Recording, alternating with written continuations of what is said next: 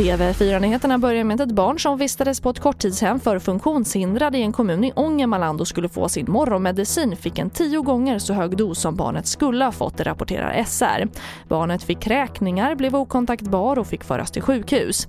Vårdgivaren har nu anmält händelsen till Inspektionen för vård och omsorg. Och från lunchtid idag inför Region Gävleborg skärpta restriktioner för att minska smittspridningen. Och som i de flesta andra regioner uppmanas invånarna att avstå från att besöka platser som badhus, butiker och bibliotek och att inte ha fysisk kontakt med andra än de man bor med. Och Länsstyrelsen i regionen har även fattat ett lokalt beslut om förbud mot allmänna sammankomster och offentliga tillställningar med fler än 50 deltagare. Och vi avslutar med att antalet olyckor med elsparkcyklar har blivit mycket vanligare. Från runt 10 olyckor 2018 till 630 olyckor i fjol enligt Transportstyrelsen.